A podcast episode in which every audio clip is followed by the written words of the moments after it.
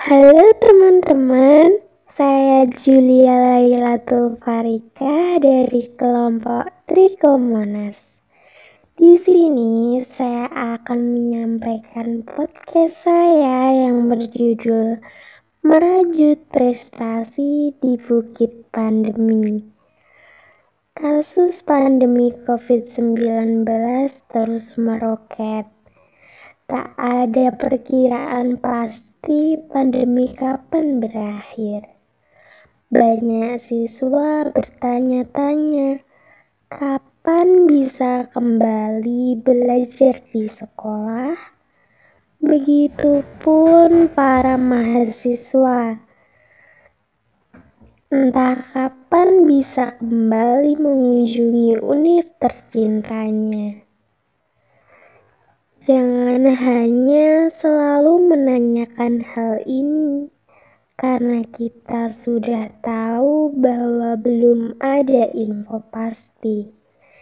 Kita harus merubah pikiran dan pertanyaan-pertanyaan tersebut. Sebaiknya kita sebagai generasi penerus bangsa lebih fokus untuk terus berprestasi meski berada di bukit pandemi. Kita harus terus mengembangkan bakat dan potensi diri yang dimiliki dan jangan berhenti untuk terus mencoba lagi terus gali potensi yang ada pada diri kita, jangan malu untuk mengembangkannya. Karena setiap orang memiliki kelebihannya masing-masing. Selagi kita bisa, maka terus maksimalkan segalanya karena tidak ada usaha yang sia-sia. Begitupun tidak ada doa yang hilang begitu saja.